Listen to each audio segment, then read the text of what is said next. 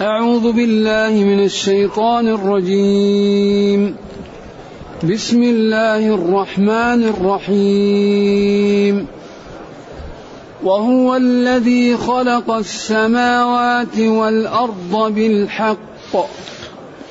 ويوم يقول كن فيكون. قوله الحق. وله الملك يوم ينفخ في الصور. عالم الغيب والشهادة وهو الحكيم الخبير. وإذ قال إبراهيم لأبيه آزر أتتخذ أصناما آلهة إني أراك وقومك في ضلال مبين. وكذلك نري إبراهيم ملكوت السماوات والأرض وليكون من الموقنين. فلما جن عليه الليل رأى كوكبا قال هذا ربي. فلما أفل قال لا أحب الآفلين. فلما رأى القمر بازغا قال هذا ربي. فلما أفل قال لئن لم يهدني ربي لأكونن من القوم الضالين. فلما رأى الشمس بازغة قال هذا ربي هذا أكبر. فلما أفلت قال يا قوم إني بريء مما تشركون. إني وجهت وجهي للذي فطر السماوات والأرض حنيفا وما أنا من المشركين. حسبك. الحمد لله الذي أنزل إلينا أشمل الكتاب وأرسل إلينا أفضل الرسل وجعلنا خير أمة أخرجت للناس. فله الحمد وله الشكر على هذه النعم العظيمة. والآلاء الجسيمة والصلاة والسلام على خير خلق الله وعلى آله وأصحابه ومن اهتدى بهداه. أما بعد فإن الله تعالى يبين في هذه الآيات كيف أن إبراهيم يعني استدرج قومه ليقنعهم ويثبت لهم أن المعبود بحق هو الله وأن غير الله يعني والمتغير لا يصلح لأن يكون محلا للعبادة على أصح الأقوال. وقد سبق أن قلنا إن الله تعالى إذا أمر أو نهى أو هدد أو خوف أو رغب في هذا الكتاب يختم المقطع بخلق السماوات والأرض أو بالخلق. وأن هذا لا يكاد ينخرم في كتاب الله. لأن هذا الكتاب في أصله كتاب هداية. كتاب لإنقاذ البشرية. ولجعلهم يعيشون عيشة هانئة فيها العدل والرخاء والطمأنينة وفيها الإنصاف وفيها السعادة للجميع. لأن الناس قبل أن ينزل القرآن تعيش. لكن تعيش عيشة فيها الظلم وفيها الجور وفيها التعاسة. فهذا الكتاب جاء لينظم يعني للخلق حياة هنيئة. اولا لا يعبدون إلا الله الخالق وبهذا الجانب تسعد النفوس لأن تعلق النفوس بغير الله هذا تعاسة وجوع وفقر. لأن النفس مخلوقة والمخلوق يحتاج إلى خالقه. فإذا تعلق المخلوق بغير الخالق أصبحت الأمور لا لا يشبع نفسه وإنما الذي يشبعها بالعبادة الذي أوجدها وخلقها. ثانيا أن نظام الله هو النظام الذي يأتي بالعدالة لأنه هو اللي خلق الكون والخالق هو يعلم مصالح العباد. أما الخلق فإذا عملوا نظاما أول ما يفعل المخلوق أن يجعل هذا النظام له هو فيه الحظوة وله فيه إيش؟ المكانة والمنصبة لأن في المثل الذي بيده القلم لا يكتب نفسه شقيا أما الله فالخلق سواء عنده سواء الناس سواسية الفضل بالتقى الفضل بالاستقامة الفضل بالإنتاج الفضل بالعمل للدين. ذلك لما بين في الآيات السابقة و وعابهم وقال ذل الذين اتخذوا دينهم لعبا ولهوا وغرت ثم قال قل ندعو من دون الله ما لا ينفعنا. ثم قال وأن أقيموا الصلاة واتقوه وهو الذي إليه تحشرون. وهذه الجملة من الجمل اللي تكون مليئة. لأن في لأن الكلام يكون ماشي فإذا وصل إلى محل تأتي جمل مليئة. كأن كل الكلام يتلخص في هذه الجمل. أن أقيموا الصلاة واتقوه وهو الذي إليه تحشرون. هذا المعنى مليء. لأن إقام الصلاة مقوية للدين. والتقى رأس كل شيء. والحشر هو اللي يخوف الناس بأن يستقيموا. لأن يعني هذه الجمل الثلاثة يعني فيها من المعاني الشيء الكثير. ثم برهن على قدرته بأن يكرم المتقي ويعاقب المسيء بقوله وهو الذي خلق السماوات والأرض بالحق. هو الله الذي أوجد السماوات والأرض على غير مثال سابق.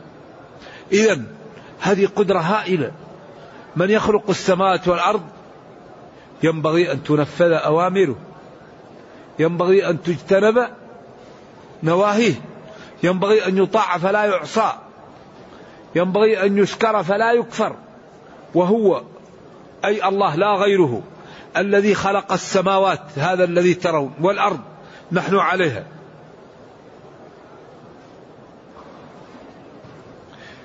اذا ما أخبر به من من من, من, إكرام المتقي قادر عليه. وما أخبر به من عقوبة المسيء قادر عليها اذا هذا كالبرهان وكالنتيجة.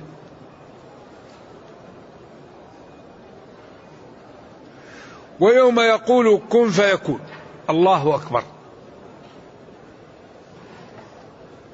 ويوم يقول الله تعالى للآخرة أو لغيرها أو لما أراد كن فيكون.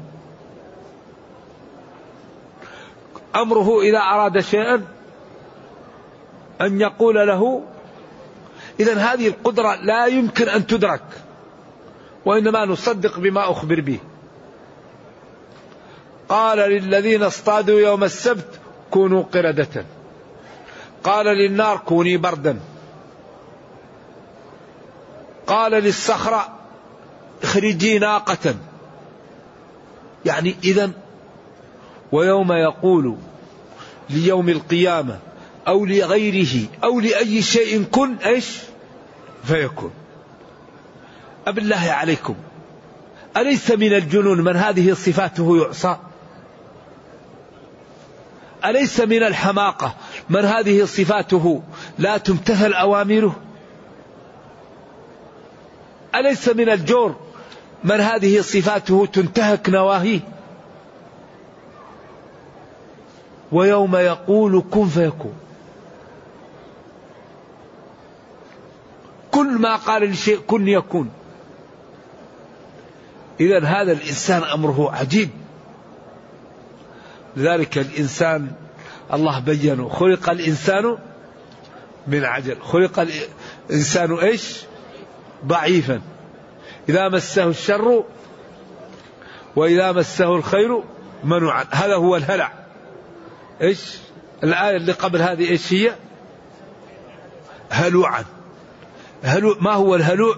إذا مسه الشر جزوع وإذا مسه الخير منوع. هذا هو الهلع. وحملها من؟ الإنسان. إنه كان ظلوما جهولا. كثير الظلم لنفسه كثير الجهل. ذلك السماوات والأراضين أبيت وأشفقت أن تحملها والإنسان قال أنا لها. هذين مسكين ظلوم وجهول ولكن الله تعالى مع ذلك كرم الإنسان وخلق له ما في الأرض. ولقد كرمنا بني آدم. كل الناس يأكلون بأفواههم كل الخلق الإنسان يأكل بيده. منتصب القائمة. أعطاه الله العقل. أعطاه السيطرة. فإذا استقام وأطاع ربه أعز في الدنيا والأخرى ونال المقامات. وإذا انحرف الإنسان إذا انحرف مثله كمثل إيش؟ الكلب. إن تحمل عليه يلهث أو تترك يلهث بعدين قال ساء مثلا القوم الذين كذبوا بآياتنا. ولقد ذرأنا لجهنم كثيرا من الجن والإنس. لماذا؟ لأن موارد العلم لم يستعملها هؤلاء في منافعهم. لهم قلوب لا يفقهون بها ولهم أعين لا يبصرون بها ولهم آلان. أولئك إيش؟ كالأنعام. بل هم أضل لأن الأنعام لم تركب فيهم هذه الطبيعة العقلية ولم يكلفون بكل شيء. والله لا عذر. هذا الكتاب الحقيقة وضع النقاط على الحروف وبين كل ما نحتاج إليه. فحري بنا أن نتمثل الأمر وأن نجتهد لإنقاذ أنفسنا وإنقاذ البشرية لأن هذه البشرية وهذه الأرض ليس لها بعد ربها إلا المتقين. المتقون هم الذين ينقذون البشرية بدعوتهم إلى الحق وإبعادهم عن الضلال. وبالأخص بهذا الكتاب الذي هو خاتم الكتب وهو الذي بين الله فيه كل ما تحتاجه البشرية بأحسن أسلوب. وبأوضح عبارة وبأوجزها وأبينها. إذا يقول تعالى وهو أي الله الذي أوجد السماوات والأرض بالحق. خلقهما بالحق. ولذلك هذا الكون قائم بالحق. الحق هو العدل. السماوات والأرض قامت على الحق على الميزان. وضع إيش؟ ووضع الرحمن علم القرآن خلق الإنسان علمه البيان الشمس والقمر بحسبان والنجم والشجر يسجدان والسماء رفعها ووضع الميزان. فيه ميزان. بعدين قال إيش؟ ألا تطغوا في الميزان. هذا حلال هذا حرام هذا حار هذا بارد هذا ضوء هذا ظلمة. الطغيان في الميزان يسبب خلل في الكون. جعل في في نظام. فإذا طغى الناس في الميزان هذا يسبب مشاكل لا يعلمها إلا الله. والطغيان في الميزان قد يكون معنوي بالمعاصي وقد يكون حسي بتغيير ما خلق الله في الكون. يجعل النور ظلمة. والظلام نور ويجعل الحرارة برودة والبرودة حرارة وتقطع الأشجار التي تنتج للناس ما يتنفسون به ويطغوا في الميزان فأصبح في الأوزون أو في الطبقات التي جعلها الله تحيط الأرض فيها ثقب وبعدين في النهاية قد يسبب هذا إيش؟ كوارث. إذا قال أن لا تطغوا في الميزان. هذا حلال هذا حرام. لا تجعلوا الحرام حلالا ولا الحلال حراما. إذا هذا الميزان يترك. لذلك قامت السماوات والأراضين على العدل. والذي يستمر هو العدل. أما الظلم فلا يمكن أن يستمر الظلم أبدا. الظلم مرتعه إيش؟ وخيم. الذي يظلم مثل الذي يشرب السم. الذي يمارس المعاصي مثل من يحقن السم في جسمه. لأن الله تعالى لا يترك الظلم يكون دائما يستمر لهم الأمر. يملي للظالم حتى إذا أخذه لم يفلت. وكذلك أخذ ربك إذا أخذ القرى وهي ظالمة. إن أخذه أليم شديد. إذا يقول تعالى وهو أي المعبود بحق الذي أوجد السماوات والأرض. وجودا متلبسا بالحق ويوم يقول كن فيكون. كن. الآخرة الدنيا الموت الحياة غني فقر عز ذل. يؤتي الملك من يشاء وينزعه ممن يشاء ويعز من يشاء ويذل من يشاء بيده الخير. يدخل الليل في النهار والنهار في الليل. يطول هذا يقصر هذا. يجعل بلد قاحل. لا ماء ولا مرعى ولا نبات ويجعل بلد مليء بالغابات ومليء بالأنهار. وبين أنه قال هذا ليتدبروا ويعلموا أن هذا من من صنع الخالق. ثم قال في النهاية فأبى أكثر الناس إلا كفورا مطرنا بنوء كذا وكذا. قال وأنزلنا من السماء ماء طهورا. لنحيي به بلدة ميتا ونسقيه مما خلقنا أنعاما وأناسيا كثيرا ولقد صرفناه بينهم. جعلنا بعض البلاد قاحل وبعض البلاد رخاء ليذكروا. ويعلموا أن هذا من تدبير الخالق فأبى أكثر الناس إلا كفورا.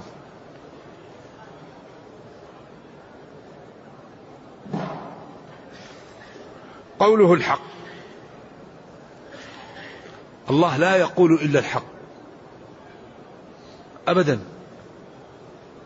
ومن أصدق من الله قيلا ومن أصدق من الله حديثا يوم ينفخ في الصور. الصور قرن. ويقال ورد في الأثر كيف أنعم. وملك آخذ القرن يتولى أن يقال له انفخ في القرن. فإذا نفخ في هذا الصور في القرن على أصح التفاسير وليس الصورة هو قرن ينفخ فيه فجميع من على وجه الأرض يموت. ثم يجلس أربعين سنة ثم ينفخ فيه فإذا هم قيام ينظرون. ثم بعد ذلك يساق الناس إلى المحشر ويقع لهم من الهول والخوف والانزعاج والألم ما لا يعلمه إلا الله. وكل الأنبياء يقال لستم هناك اذهبوا إلى فلان إلى فلان إلى فلان حتى يأتوا للنبي صلى الله عليه وسلم فيقول أنا لها أنا لها.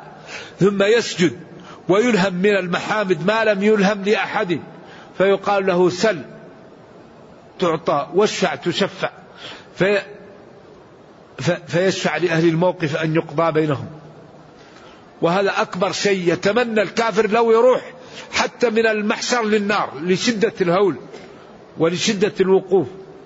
والناس يمرون على الصراط والصراط أمره عجيب وعليه كلاليب وتحته جهنم. ولذلك يثبت الله الذين آمنوا بالقول الثابت في الحياة الدنيا وفي الآخرة. وهذه الطريق فيه كلالب وفيه أمور أن يمشي مثل البرق وليمشي مثل الفرس السريع وليمشي مثل وليحبو حبو واللي يقع في جهنم نرجو الله السلام والعافية. قال وإن منكم إلا واردها. على متن جهنم نرجو الله السلام والعافية.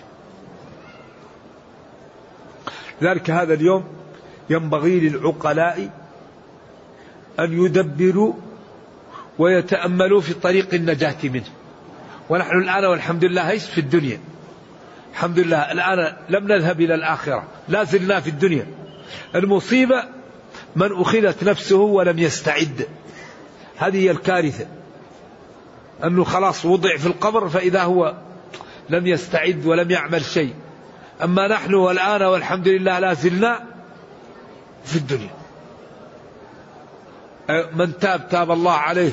والحسنة بعشر أمثالها. يوم ينفخ في الصور له الملك يوم ينفخ في الصور لأن قبل النفخ في الصور يمكن بعض الناس يكون لهم ملك ولهم جاه لكن يوم القيامة ما فيه. الملك لله. الملك لله مالك يوم الدين. يوم الجزاء ما في أحد أبدا. أما في الدنيا قد يكون كما قال إنما أوتيته على علم وقال أنا أحيي وأميت والثاني يقول لكن يوم القيامة ما يقدر أبدا. عالم الغيب والشهادة. الغيب ما يكون في القلب. الغيب ما يقع في غد. الغيب ما تفعله بخلاء. الشهادة ما يرى ما تعلنه. إذا لا من جاء إلا الصدق. هذه الدنيا الذي يريد أن ينجو يصدق. الذي يريد أن يسلم يستقيم. نحن الآن في الدنيا. ما فيه؟ عالم الغيب والشهادة. إذا صدق مع الناس وأظهر التقى وأظهر الكرم وأظهر العلم وأظهر غير صادق خلاص يشخط عليه. إذا لم يصدق إذا كان في قلبه الصدق وستره ولم ي... وصارت الناس لا تراه يوم القيامة ما في قلبه هو ليجد. إنما الأعمال بالنيات. لذلك كم من إنسان يتظاهر بالخير ويتظاهر بالعمل ولكنه لم يصدق فيكون عياذا بالله يوم القيامة شماتة للناس. وكم من إنسان لا يعبه به ولا يفطن له كما قال صلى الله عليه وسلم ما تعدون هذا فيكم؟ قال حري أن إذا تكلم يسمع وإذا خطب أن يجاب. الثاني قال لا يسمع له ولا يجاب. قال ملء الأرض من ذاك خير منه هذا. إن الله لا ينظر إلى صوركم.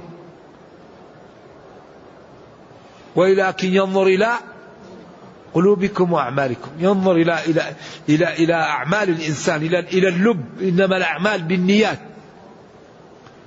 فلذلك رب مدفوع بالأبواب. طبرين لا يعبى له. إن كان في الحراسة كان في الحراسة وإن كان في الساقة إن استأذن لم يؤذن له وإن شفع لما لا هذا؟ لأن هذا قلبه مليء بالإخلاص. لا يريد الدنيا لا يريد أن يقال. لأن أي واحد منا الآن في عمل إذا عمل هذا يقول يا أخي بلاش العمل ما, ما فائدة العمل؟ والله لا أشتغل. أنا إذا استأذنت لا يؤذن لي وإن شفعت لا يشفع. وأي فائدة؟ لكن هذا قلبه مليء بما لا؟ مليء بالتقى. هناك العمل مع الله. ليس مع الناس. إن أقسم لو أقسم على الله لا بره إذا لا بد للعقلاء من أن يقتطعوا بعضا من أعمالهم لينجوا به يوم القيامة. لأن أغلب الأعمال الظاهرة الله أعلم بحالها. لأن المحمدة والذكر الحسن والجيران والسمعة والأصدقاء ونعم هذا الذي لم يوفقه الله تكون له معوقات. فينبغي للعاقل أن يقتطع جزءا من أعماله هذا يجعله يوم القيامة لا يطلع عليه إلا الله. والله كريم. فإذا عمل ذلك بإذن الله ينجو وإن أخلص العمل كل عمل يكون له. لكن الله لا يقبل إلا ما كان له. الذي لم يكن لله لا يقبله الله. ولذلك القمم الذين لم يصدقوا يكونون طعما للنار توقد النار بهم. أول من تسعر بهم النار من؟ القمم الشهيد. لأن هذا الشهيد ما استشهد إلا ليقال جريء وقد قيل شجاع. وهذا المتصدق ما ما تصدق إلا ليقال ما لا كريم وجواد وقد قيل. وهذا ما تكلم إلا ليقال عالم أو قارئ وقد قيل. إذا أخذوا حقهم. ومن كان يريد العاجلة؟ عجلنا له فيها ما نشاء لمن نريد. الله لا يخلف الميعاد. ثم جعلنا له ألنا عذر بعد هذا؟ إذا ينبغي لكل واحد منا أن يجتهد ويعلم أن الدنيا ما رايحة. تمشي اليوم وبكرة وبعد بكرة وبعد بكرة ينتهي العمر. فإذا هي العبادة لا تقبل إلا إذا كانت على المواصفات المطلوبة. بعدين مشكلة أن العبادة لا تقبل إلا إذا استوفت. لها شروط لها موانع لها أركان لها واجبات لها سنن لها أنداب. أغلب العبادات تتصف بهذا شروط أركان واجبات سنن أنداب. وأحيانا تكون لها محظورات. إذا إذا أدى المسلم أو العبد الطاعة على غير المواصفات المطلوبة أقل ما يكون فيها يكون الأجر ناقصا. إذا إذا إذا تجوزنا وكان النقص ليس في الأركان أو ليس في الشروط أصبح في بعض الواجبات أو السنن والأنداب تكون العبادة ناقصة. لكن إذا أدى العبد العبادة كاملة ماذا؟ يأخذ الدرجة كاملة. ذلك ينبغي للعقلاء أن يتأملوا حتى تكون أعمالهم لهم ولا تضيع عملك. ذلك ينبغي أن تعمل لمن؟ لله. لأنه هو القادر هو الكريم هو الذي يعطيك الأجر هو الذي يرد عنك الشر هو الذي ينفعك. أما الخلق فهم عاجزون. الذي يشتغل للخلق الخلق عاجز لا يملك شيء.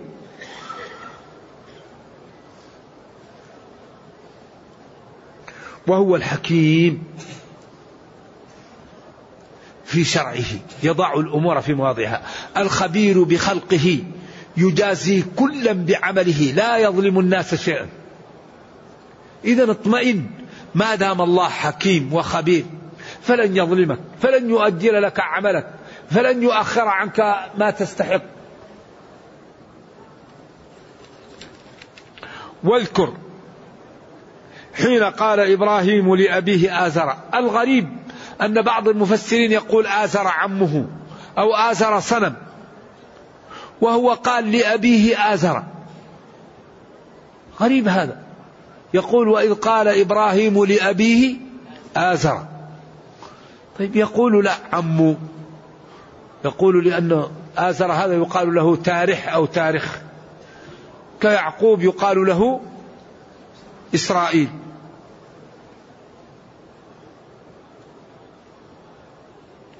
أتتخذ أصناما آلهة؟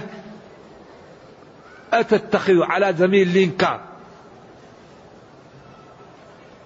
أصناما جمع صنم والصنم المعبود غير الله الذي ينحت من الحجارة. آلهة مفعول ثاني. إني يعني اللي هو إبراهيم أراك. وقومك في ضلال مبين واضح.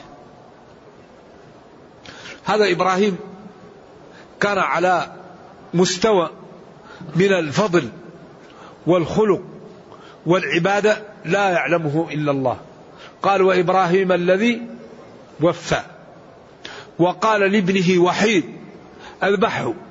فتله للجبين وأراد أن يذبحه.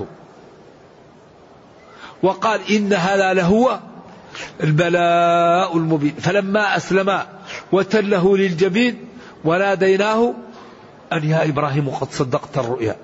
إنا كذلك إن هذا لهو البلاء المبين. قال وإبراهيم الذي وفى. وإذ ابتلى إبراهيم ربه بكلمات فأتمهن. ولحسن خلقه لما كلم أباه. وقال له يا أبت لم تعبد ما لا يسمع؟ ولا يبصر ولا يغني عنك شيئا. يا أبت إني قد جاءني من العلم ما لم يأتك فاتبعني أهدك صراطا سويا. يا أبت لا تعبد الشيطان. إن الشيطان كان للرحمن عصيا. يا أبت إني أخاف أن يمسك عذاب من الرحمن فتكون للشيطان. فهذا آزر اسمعوا ما لا رد على ولده الصالح. أراغب أنت عن آلهتي يا إبراهيم؟ لئن لم تنتهي لأرجمنك واهجرني مليا. اهجرني كثيرا مدة طويلة. هذا إبراهيم لم يكن منه إلا أن قال له سلام عليك سلام عليك. هذا الخلق هذا روعة في, في, في الأدب في حسن التعامل. ما قال له يا أبتي يا كافر يا مجرم يا خبيث. أنا أريد أن ننجو كنت تريد أن توبق نفسك؟ قال له سلام عليك. وذلك قال الله تعالى لنبيه محمد صلى الله عليه وسلم ما كان للنبي والذين آمنوا أن يستغفروا للمشركين ولو كانوا أولي قربى من بعد ما تبين لهم أنهم أصحاب الجحيم. ثم قال وما كان استغفار إبراهيم لأبيه إلا عن موعدة وعدها إياه. سأستغفر لك ربي. فلما تبين له أنه عدو لله تبرأ منه.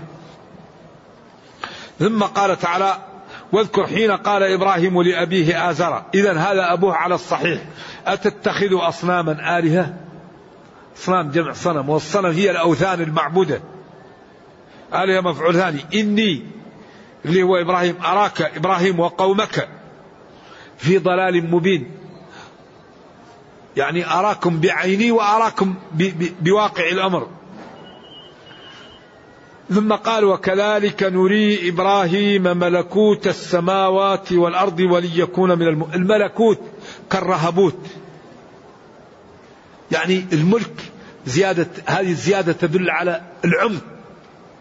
قيل دخل الله أراه ما أعماق الأرض وأراه ما فوق السماوات.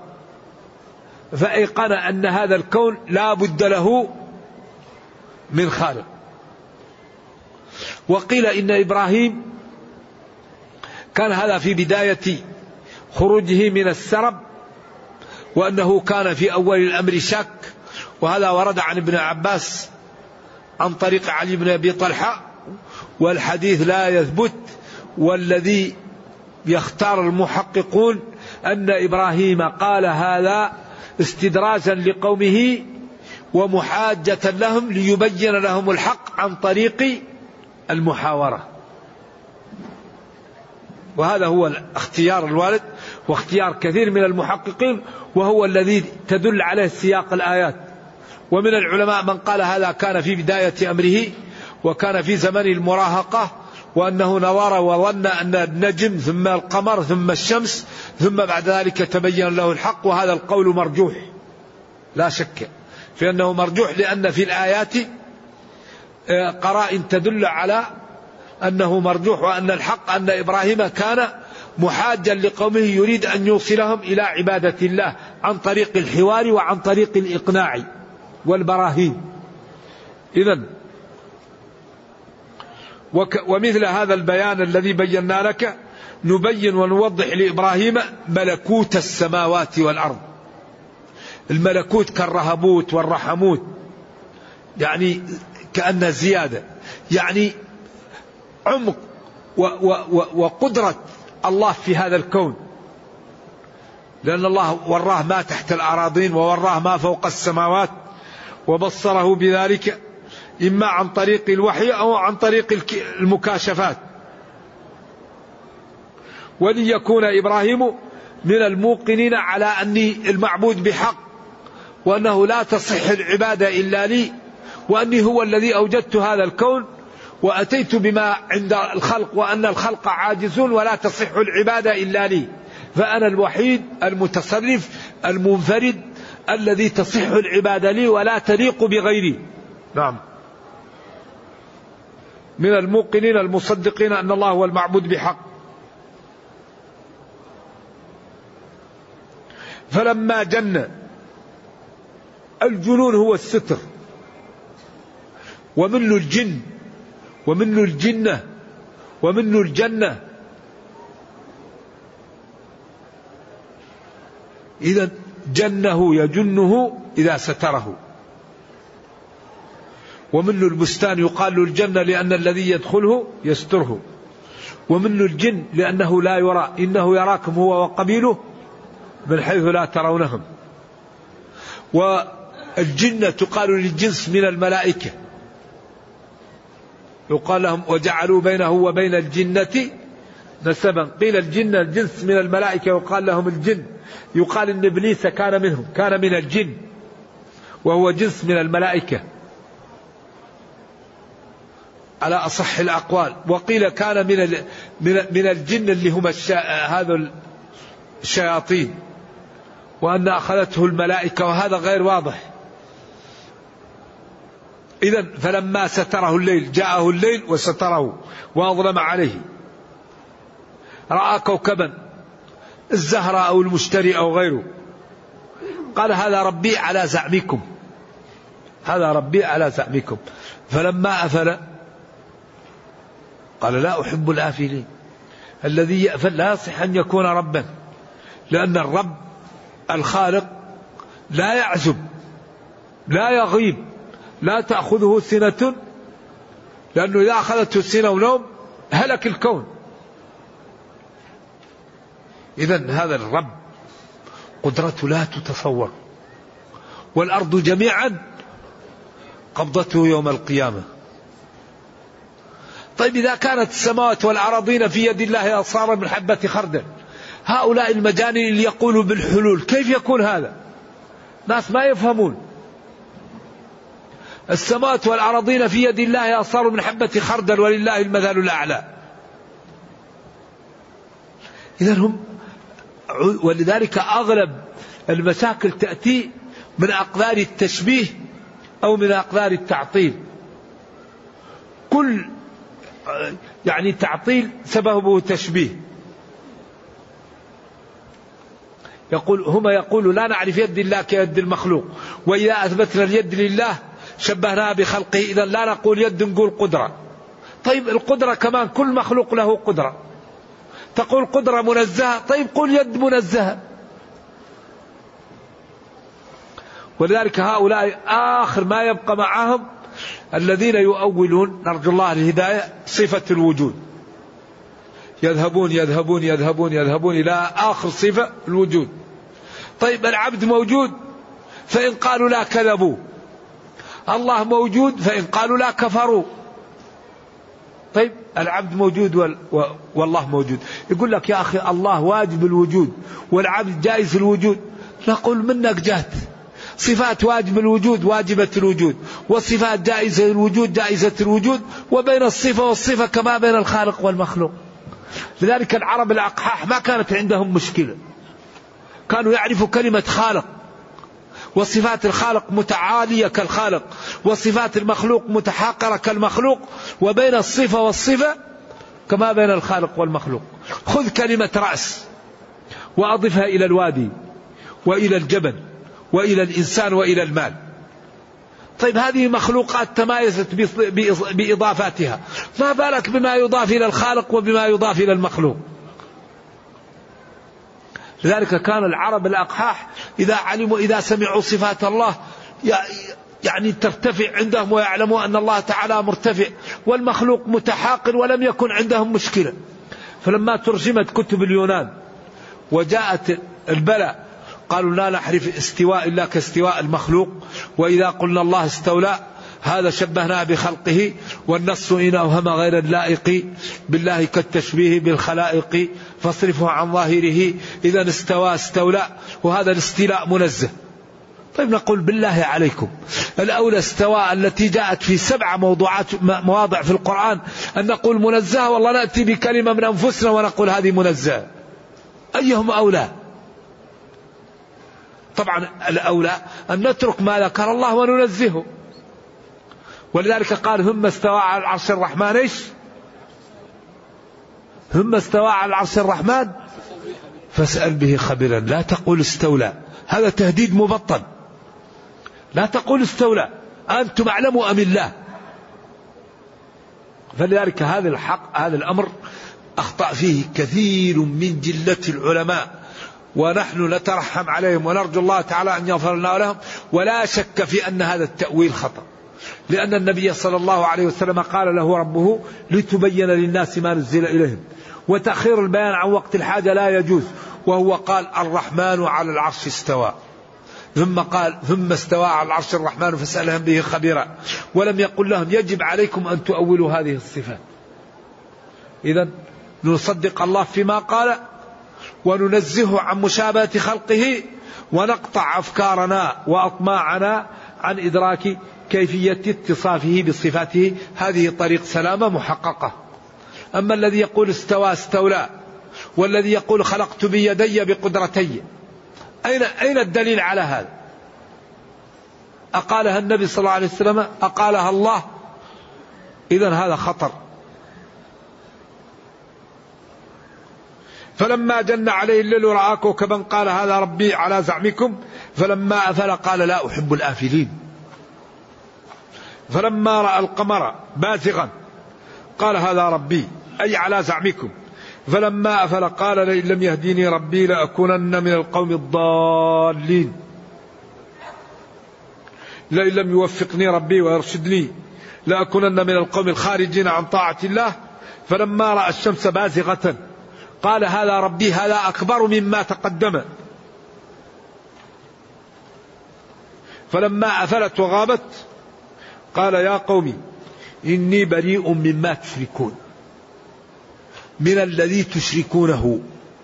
إني وجهت وجهي وأخلصت عبادتي للذي أوجد السماوات والأرض من غير مثال سابق وما أنا من المشركين.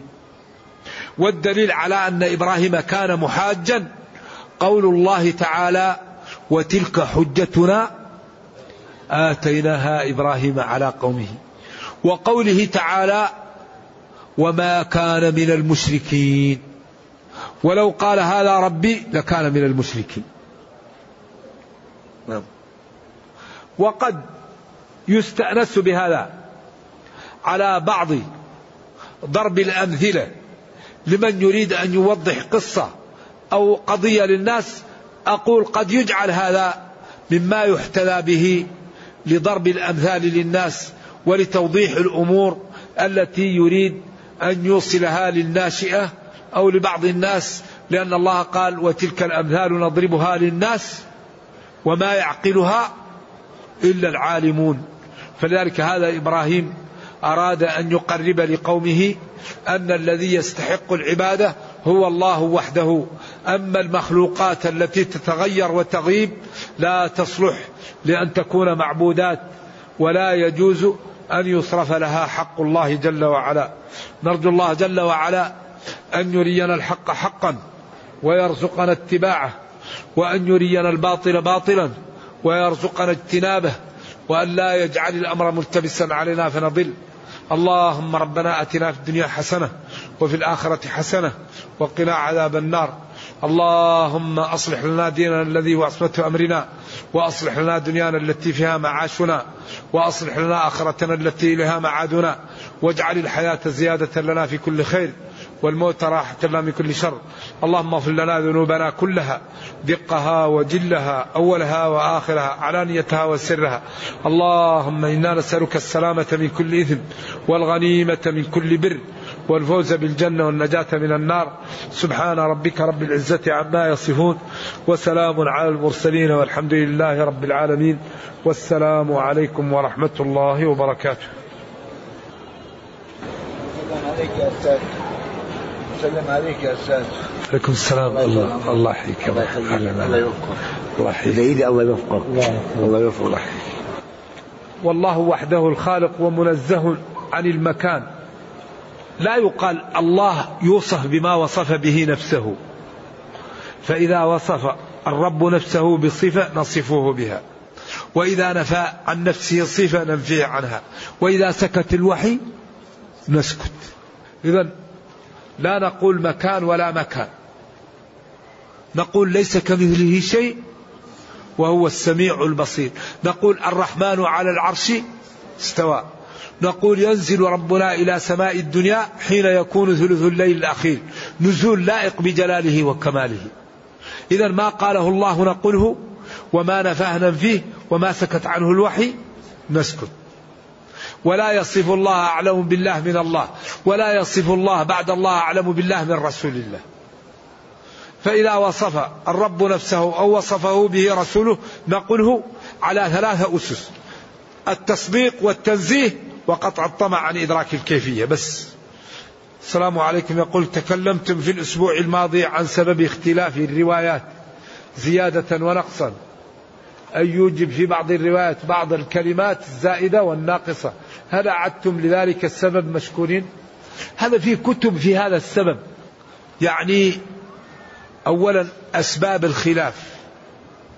وفي كتاب للشيخ ابن تيمية رحمة الله عليه ممتاز اسمه رفع الملام عن الأئمة الأعلام. وفي أسباب الخلاف للبطليوسي. وحصره في ستة. ومن الكتب التي اعتنت بأسباب الخلاف المغني لابن قدامة والمجموع للنووي. ونيل الأوطار للشوكاني شرح منتقى الأخبار.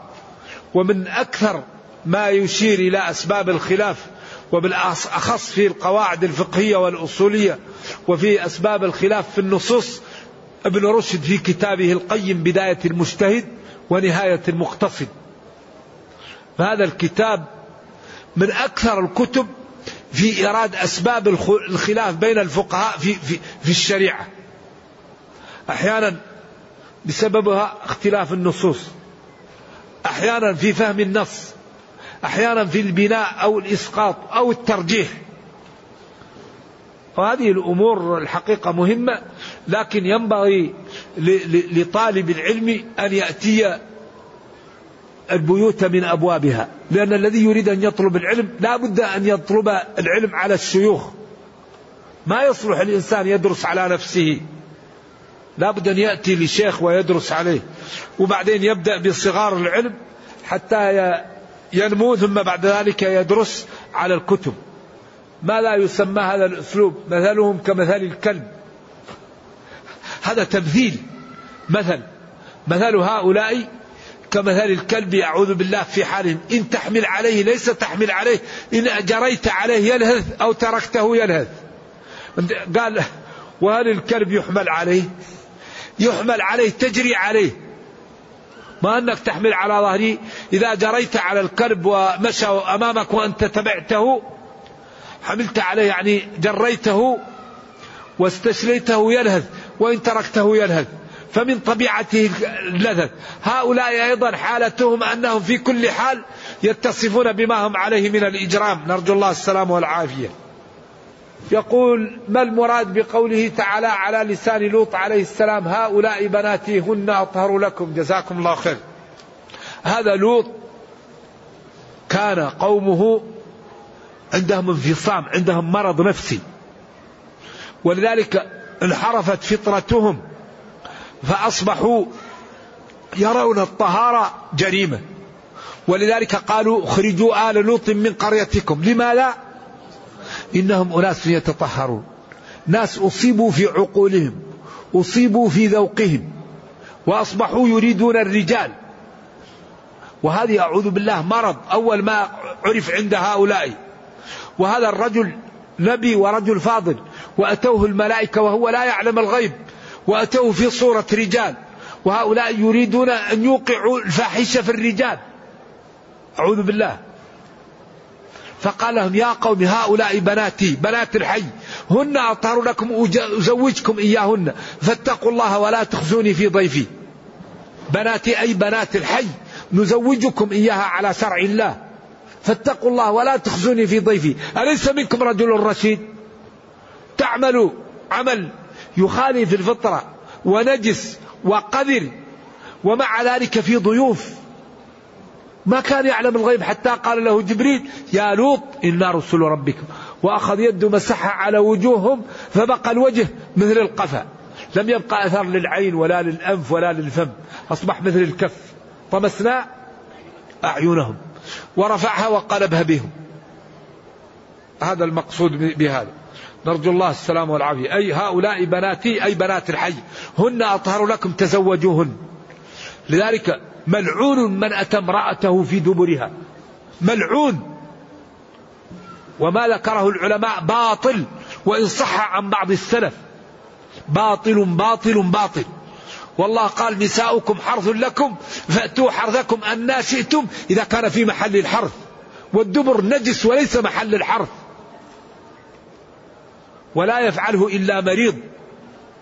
ومحل محرم بالإجماع. إذا كان محل الحرث إذا كان فيه الدم محرم. فمن باب أحرى محل مهيأ للنجس. وقال اعتزلوا النساء في المحيض ولا تقربوهن حتى يطهرن. وقال يسألونك عن المحيض قل هو أذى. فينبغي للمسلمين أن يتقوا الله ويعملوا بطاعة الله. فإن ما يأمرهم به فيه صلاح دنياهم وأخراهم وفيه الطهر لهم والفوز. يقول هذا أنه يعني يعمل ذنب كل ما يتوب يقلع ويرجع إليه. ما لك إلا التوبة. تب واستغفر الله وأكثر من ذكر الله ومن الصدقة وابتعد عن البيئة التي تلا يعني هذه البيئة التي تمارس فيها الذنب حاول أن تحولها. تذهب لمحل آخر. ونرجو الله لنا ولك العافية. يقول أحسن الله إليكم وجزاكم خيرا. ما حكم صبغ الشعر وحلق اللحية؟ صبغ الشعر سنة. طيب أيوة. تغيير الشع... الشيء ولكن يجتنب السواد. حديث اجتنب السواد أقل درجاته صالح للاحتجاج. وحلق اللحية محرم بالإجماع وبالكتاب وبالسنة. حلق اللحية محرم بالكتاب والسنة والإجماع. أما بالكتاب بقوله لا تأخذ بلحيتي وقال أولئك الذين هدى الله فبهداه مقتده وبالسنة اسبلوا اسدلوا أوفروا. أمرني ربي أن أقص هذا وأترك هذا. والإجماع على أن حلق اللحية محرم. وهناك قول لمتأخري الشافعية أوهام الخيط العنكبوت. وفعل لدى الأكر للوجوب وقيل للندب أو المطلوب وقيل للوجوب فعل الرب وأمر من أرسله للندب. نعم. فهي محرمة بالكتاب والسنة والإجماع. وبعدين النبي صلى الله عليه وسلم كان كث اللحية وقال لقد كان لكم في رسول الله أسوة حسنة. وعائشة تقول سبحان من زين الرجال باللحى. طيب ولماذا المسلم يحلق لحيته لماذا؟ لماذا؟ يريد أن يكون طفلا والله جعله رجلا. يريد أن يكون ماذا يريد أن يكون ماذا بالاستقراء لا يخلو من واحد من ثلاثة أمور. إذا وبعدين نحن ندفع ضريبة ديننا يا أخي. اللي عنده بيت يدفع ضريبته اللي عنده سيارة اللي عنده تجارة. طيب ما ندفع ضريبة الدين؟ نحن نريد أن ندخل الجنة بدون ما ندفع ضريبة. خليه يقول لك مطوع يا تيس يا مطوع يا فاهم طيب أمنعني من الموت يا أخي. أمنعني من الموت. كل نفس إذا وضعت في القبر ورجع المال والأهل. وبعدين كلكم معافى إلا المجاهرين. لا بد ندفع ضريبة ديننا لا بد. الدين الدين لضريبة. الجنة لها ضريبة. الذي يريد أن يسخر منك أنك تدينت قل له أمنعني من الموت يا أخي. ما دام ما يمنع عنك الموت كل نفس ذائقته. لكن ينبغي المسلم أن يتقي الله ويرفق بالناس. لا يأذي الناس ولا حقيقة ينبغي أن يكون المسلم رفيق بإخوانه. ونرجو الله تعالى أن لا يبتلينا وأن يرزقنا الاستقامة وأن يتجاوز عنا وعن إخواننا الذين ابتلوا. الله يغفر لنا ولإخواننا. في أي حالة يمكننا الجمع بين الصلوات؟ الرجاء آه، الجمع والقصر بين الصلوات. هل فضل جمع التقديم أم جمع التأخير؟ العلماء اختلفوا في هذا. فالجمهور على أن الجمع للمسافر والمريض جائز. الجمع للمسافر والمريض صاحب العذر. لكن المسافر له أن يجمع ويقصر والمريض له أن يجمع لكن لا يجوز له القصر. وهذا الجمع رفقا بالناس. فأبو حنيفة يرى أن الجمع غير موجود وإنما الصلاة لا تصلى إلا في وقتها وإنما هو يكون جمع صوري بمعنى يؤخر الظهر إلى آخر وقته ويقدم العصر إلى أول وقته. فيكون الجمع جمع إيش؟ سوري. ويرى أن الجمع في الحج نسك. الجمهور قالوا الجمع جائز. وبعضهم قال جمع التأخير لا لا غبار عليه. جمع التقديم بعضهم يشك فيه. والصحيح أن الجمع جائز جمع التقديم والتأخير. والسنة أنك إذا جد بك السفر بعد دخول الوقت تجمع جمع تقديم. وإذا جاءك الوقت وأنت على الرواحل تجمع جمع تأخير. وإذا كنت جالس في المحل لا تجمع وإنما تصلي كل صلاة في وقتها من غير جمع تقصر ولا تجمع. هذا هو الأفضل. كما يفعل الإمام أيام منن. لأنه نازل يصلي الظهر في وقته والعصر في وقته والعشاء في وقته ولا يجمع. والصلوات اللي تجمع الظهر والعصر لأنهما مشتركتي الوقت. والمغرب والعشاء لأنهما مشتركتا الوقت. أما الفجر فلا يجمع مع غيره. لا يشترك مع شيء. والذي يقصر الرباعية. أما الثلاثية والثنائية لا تقصر. مع الأسف رأيت بعض الناس يصلي المغرب ويقصر. قلت له ليش قال أنا مسافر؟ قلت له يا أخي المغرب لا يقصر فيه. لذلك ينبغي للمسلم أن يتعلم الواجب. إذا القصر جائز للمسافر والجمع جائز للمريض وللمسافر والجمع التقديم على الصحيح يجوز وجمع التأخير يجوز بلا خلاف و الذي هو جاد به السير يجوز له الجمع والذي هو مقيم ومسافر يجوز له الجمع لكن الأفضل له أن يصلي كل صلاة في وقتها. إذا في فرق بين من جد به السير ومن هو متصف بالسفر ولم يجد به السير. مثلا نازل هذا يصلي كل صلاة في وقتها. وهذا مبين في كتب الفقه والحديث وفي أحكام أحاديث الأحكام. يقول بعض الشباب يطفئون شهواتهم في السفر خصوصا إن طال بالاستمناء. لا يجوز الاستمناء ولكنه أخف من الفاحشة. لا يجوز الاستمناء. والذين هم لفروجهم حافظون إلا على أزواجهم أو ما ملكت أيمانهم. الاستمناء محرم لكنه أخف من الفاحشة على أصح الأقوال. نكتفي بهذا.